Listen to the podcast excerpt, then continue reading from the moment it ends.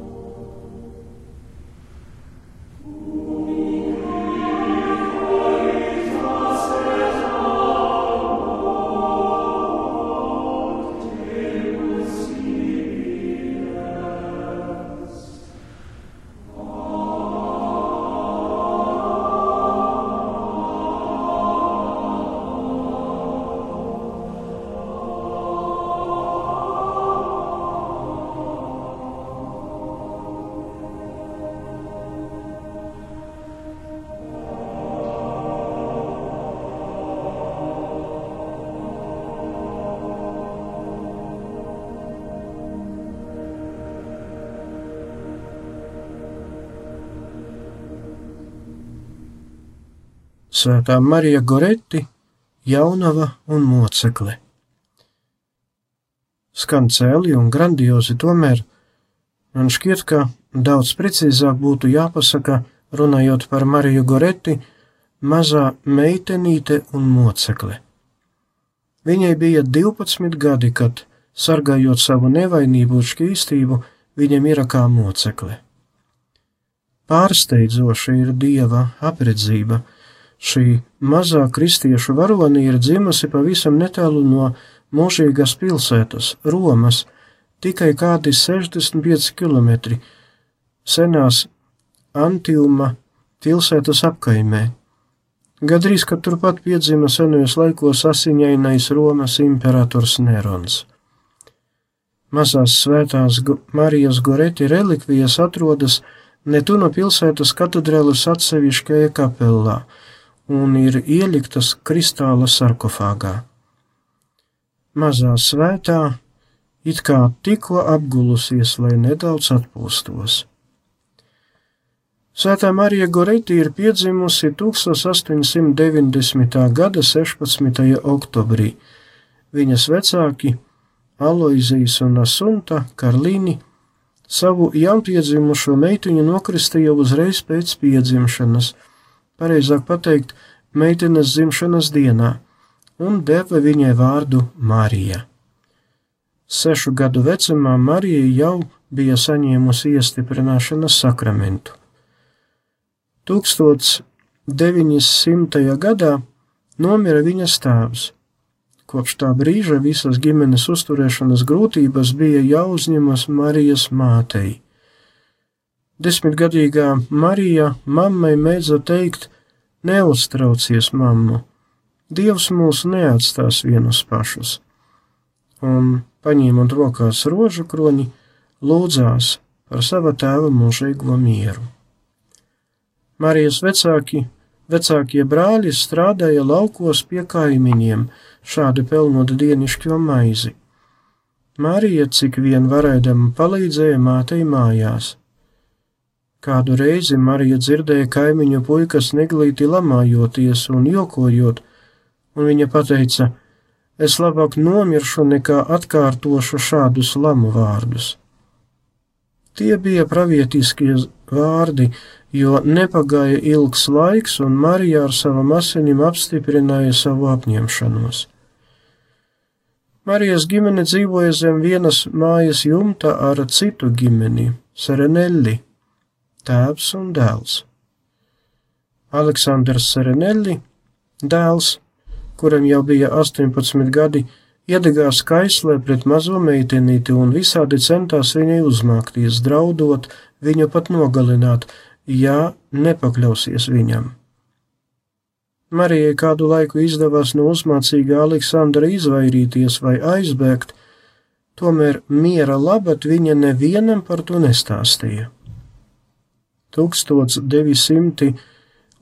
gadā, 5. jūlijā, abas ģimenes strādāja laukos, bet Marija atradās mājās. Aleksandrs, izmantojot to, ka viņa mājās bija palikusi viena, slepus aizgāja no lauka un, ievilcis meiteni virtuvē, mēģināja viņu izvarot.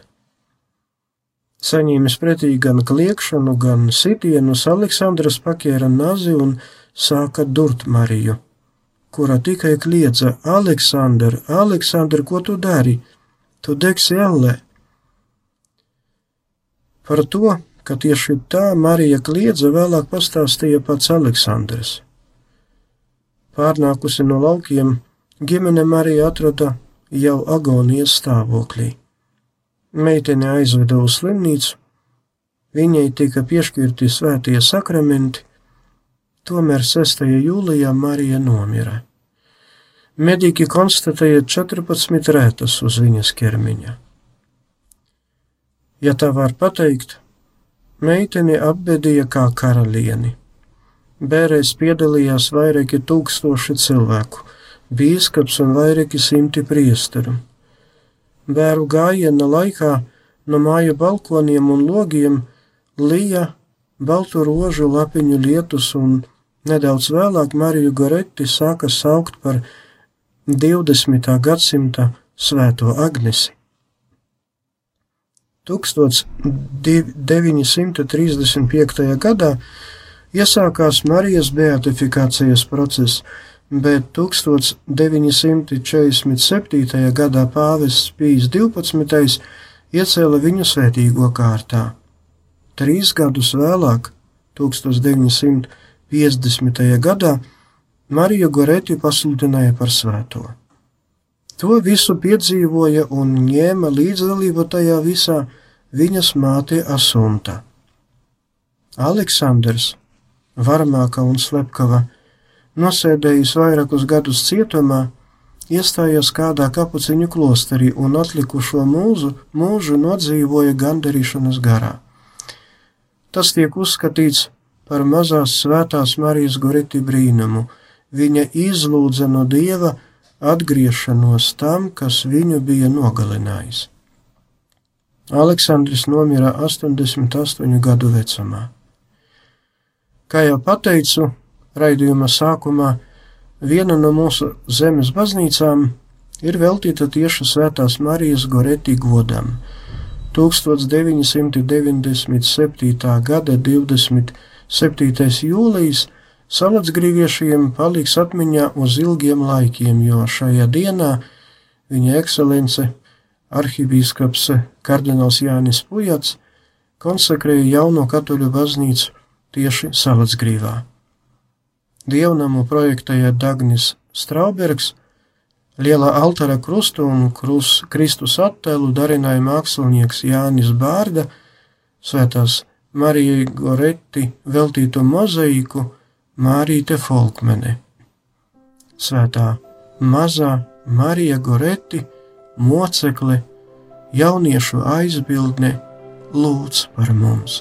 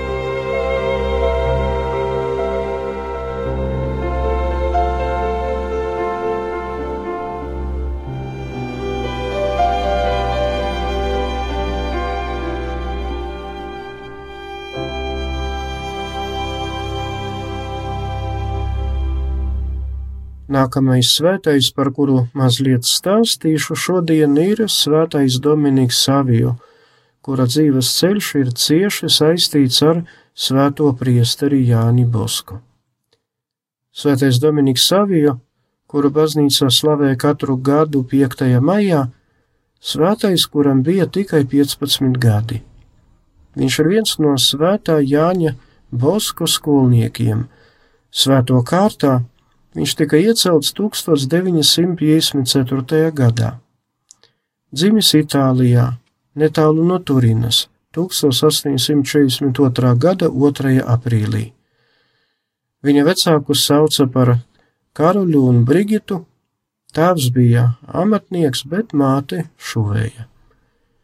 Tāpat kā Marija Goretti, par kuru stāstīju pirms dažām minūtēm, arī Dominīks tika nokristīts uzreiz pēc dzimšanas, dzimšanas dienā. Pirmo svēto komuniju Dominīks pieņēma 1849. gada lieldienās, kas tajos laikos bija kaut kas neiedomājams, jo tika uzskatīts, ka pie dievgalda pirmo reizi var pieiet daudz vēlāk un nevis septiņu gadu vecumā, kā to izdarīja Dominiks. Neraugoties uz to, ka viņam bija tikai septiņi gadi, viņa iekšējā pasaule, viņa garīgā pasaule bija ļoti dziļa. Par to liecina kaut vai viņa dienas grāmatas pieraksti, kurus viņš ierakstīja tajās lieldienās. Es bieži iešu pie grēku sūdzes un iešu pie dievu galda tik bieži, cik man to atļaus mans bīgstāvs. Es svētīšu svēto dienu, nestrādāšu, bet veltīšu to kungam Par maniem draugiem būs Jēzus un Marija, un es labāk nomiršu nekā sagrēkošu. Jau piecu gadu vecumā Dominiks piekalpoja pie altāra un kļuva par ministrantu. Skaidrs, ka pulkstene viņam nebija, un nereti Dominiks atnāca uz baznīcu daudz agrāk nekā vajadzēja. Tad viņš metās uz ceļiem, baznīcas vēl aizslēgtu durvju priekšā, un lūdzās. Skola no dzīves vietas bija tālu, un katru dienu Dominiks gāja astoņus kilometrus turp un atpakaļ. Kad viņam kāds pajautāja, vai viņam nav bail vienam pašam iet tik garu ceļu, Dominiks atbildēja: Bet es neesmu viens pats. Ar mani ir jaunava Marija un mans sarkangelis. Gadījās, ka kāds skolas biedrs lai izjauktu stundu, krāsnī sameta sniegu un klasi piepildījās ar dūmiem. Kad sadusmojies skolotājs sāka meklēt, kurš no skolniekiem to izdarīja, vainīgais visā apvainoja Dominiku. Zēns kaut arī nebija vainīgs, visu pacieta un nenosauca vainīgā vārdu, jo baidījās, ka īsto vaininieku izmest iz, izmetīs no skolas. 1854. gadā Dominiks pirmo reizi satikās ar svēto Jāni Bosko un kļuva par šī svētā priestera oratorijas jeb skolas audzēkni. Par mazo Dominiku var stāstīt ilgi un daudz ko. Kādu dienu svētais Jānis Boska saviem audzēkņiem ieteica padomāt par trim lietām par to, kā Dievs vēlās, lai mēs kļūtu par svētajiem, ka kļūt par svētajiem ir diezgan viegli, un ka katru, kas kļūs par svēto, debesīs gaida liela alga. Dominiks toreiz atbildot priesterim pateica: Es vēlos un es gribu būt par svēto. Tomēr es nekad nebiju domājis, ka tas ir ļoti viegli. Man noteikti jākļūst par svēto. Priesteri, palīdziet man! Uz ko Jānis Bosko atbildēja: Esi vienmēr priecīgs, pildi apzinīgi savus pienākumus un palīdzi saviem kolēģiem. Neraugoties uz to, ka Dominikam bija tikai 11 gadi, viņu dievs apdāvināja ar pārdebiskām dāvanām, kuras mēdz parādīties gados nobriedušiem cilvēkiem. Dominiks bija apveltīts ar kontemplāciju, viņš piedzīvoja lūkšanu, ekstāzes un daudz ko citu. Reiz viņš pieklavēja pie Jāņa Boska celles durvīm un paziņoja, lai priesteris steidzīgi dodas pie kāda mirstoša cilvēka. Dominiks aizveda priesteri pie kāda protestanta, jo tas vēlējās pirms nāves izlīgt ar dievu un pieņemt sakramentus.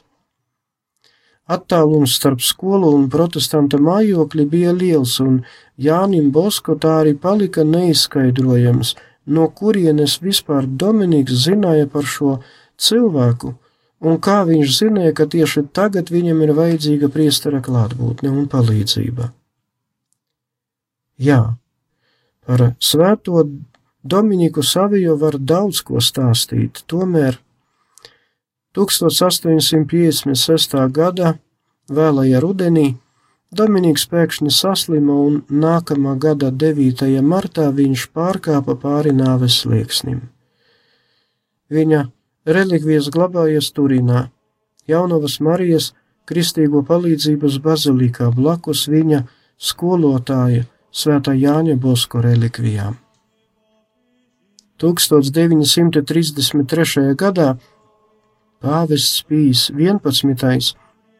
nosauca Dominiku Saviju par mazo svēto un gara gigantu, bet 1950. gadā Pāvests Pīs 12. iecēla Dominiku Saviju svētīgo kārtā. Četrus gadus vēlāk, 1954. gadā, viņš iecēla viņu svēto kārtā. Paldies par uzmanību, lai ir slavēts Jēzus Kristus.